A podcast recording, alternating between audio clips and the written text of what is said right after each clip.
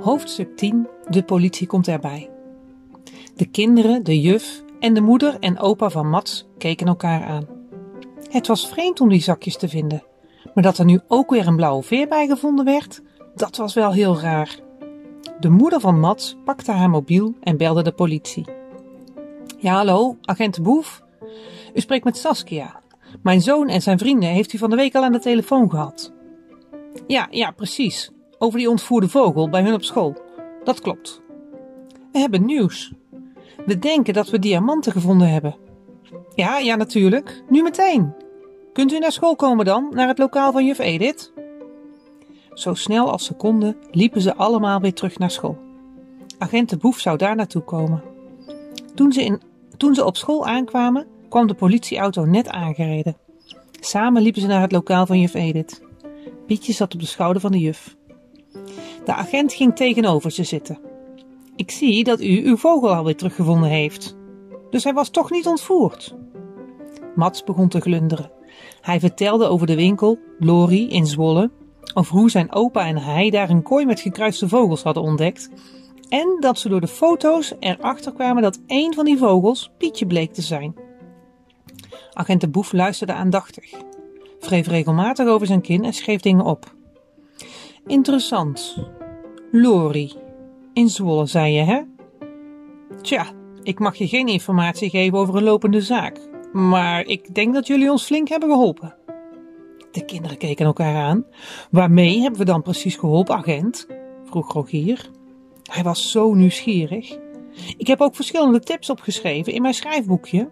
Misschien heeft u daar ook iets aan. Hij gaf zijn boekje aan de boef, die er meteen in begon te bladeren. Zeer interessant, jongens, zeer interessant. Maar ik kwam voor iets anders, als ik me niet vergis. De juf gaf de zakjes en de blauwe veer aan de agent. Hij nam er een speciaal vergrootglas bij en bekeek de steentjes van dichtbij. Daarna wreef hij er één van tegen zijn tand. Tja, ja, wat ik al dacht. Jullie hebben echt diamanten gevonden. De kinderen keken elkaar vol ongeloof aan. Wat een verhaal! Echte diamanten gevonden. En Pietje die terug was? Dit was de beste dag ooit. Agent de Boef pakte de spullen bij elkaar, bedankte de kinderen en gaf de juf, de moeder en de opa van Mats een hand. Wij gaan dit verder onderzoeken. Jullie horen nog van me. De juf was weer aan het werk gegaan en de moeder en opa van Mats naar huis. De kinderen zaten zoals gewoonlijk in het parkje op het bankje. Wat een avontuur, zuchtte Lisa.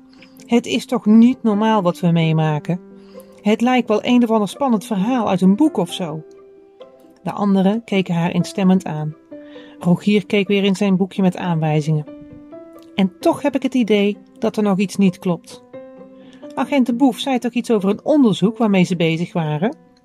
Zou dat iets te maken kunnen hebben met die trainers waarover Mats vertelde? Geen idee, zei Mina. Hoe zouden zij hiermee te maken hebben dan? Mats dacht na. Je zou wel eens gelijk kunnen hebben, Rogier. Zij waren degene die de overval hebben gepleegd. En zij zijn degene die in de winkel in Zwolle hebben gewerkt. Ze moeten er iets mee te maken hebben. De kinderen keken elkaar aan. Wat had dit te betekenen?